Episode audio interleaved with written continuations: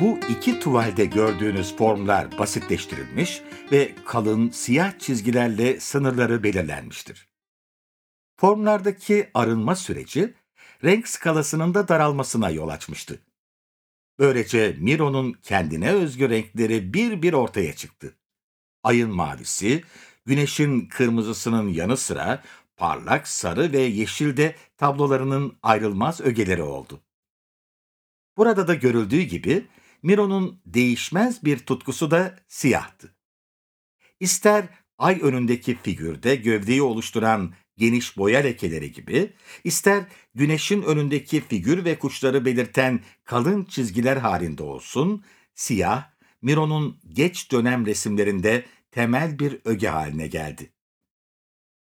Zeminin hazırlanışı sürecindeki radikal değişikliğinde sözünü etmek gerekiyor.